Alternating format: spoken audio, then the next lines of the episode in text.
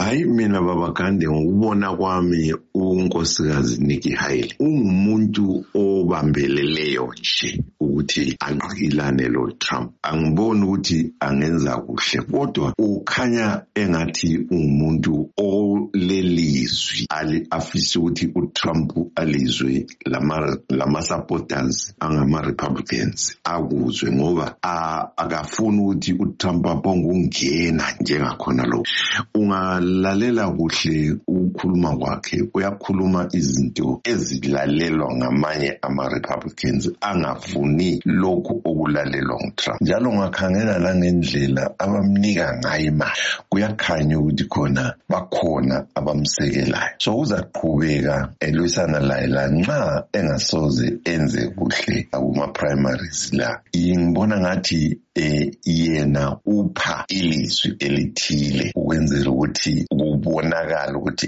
ama Republicans wona ngokwawo avele kawabambananga entweni le yokusekelana lo Trump yena umnumzana Trump siyabona ukubana elokhu elosekelo. Ubona ngani uza kwenza njani nxa kuyikuthi nguyonqobileyo ukuthi engayenza kuhle yini esemisane lo mongameli Joe Biden? Mina ngangiboni enqoba kulolu khetho ngixenye ngabe ngiyaphambanisa kodwa ke ngokubona kwami lapho usekelwa kuphela ngama Republican usekelwa yiphathi yakhe eyodwa naleyo. Lakho kungasiko ukuthi bonke bamsekela ngoba xa ukhangela khona kuwambuza khona ngaphambili kukaNikki Haley bakhona abantu abaphikisana laye uBiden ngeke ngezwa kuthiwa bazakwenza umhlangano wabo lo wama-Republicans okuthiwa ngama-conservative wodwa lwana abanye bazakwenza kwenye indawo abanye bawenze kwenye indawo. Kutsho ukuthi bona bodwa badabukene phakathi kangimboni mina ukuthi uzanqoba umhlaba wonke lo we-United States of America. Ngibona ngathi